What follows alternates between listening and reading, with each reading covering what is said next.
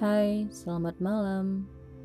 Akhir-akhir ini aku merasa perjalananku sangat melelahkan. Mulai dari kehilangan teman, menghadapi cobaan penelitian, ya begitulah. Namanya juga perjalanan.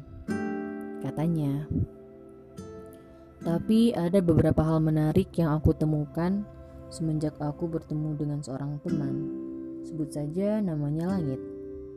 Katanya, perjalanan ini bukan tentang siapa yang duluan, tapi perjalanan ini bicara tentang siapa yang mampu bertahan hadapi cobaan, rintangan, dan kegagalan, hingga tiba di titik akhir yang membanggakan dan menjalaninya selalu dengan kebahagiaan, bukan dengan tekanan. Hmm, semangat.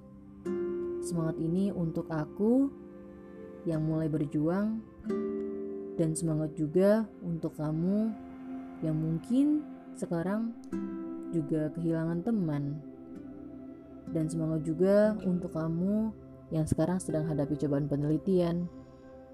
Semoga kita jadi wisudawan di akhir 2020 ini ya. Sekali lagi semangat. Selamat malam.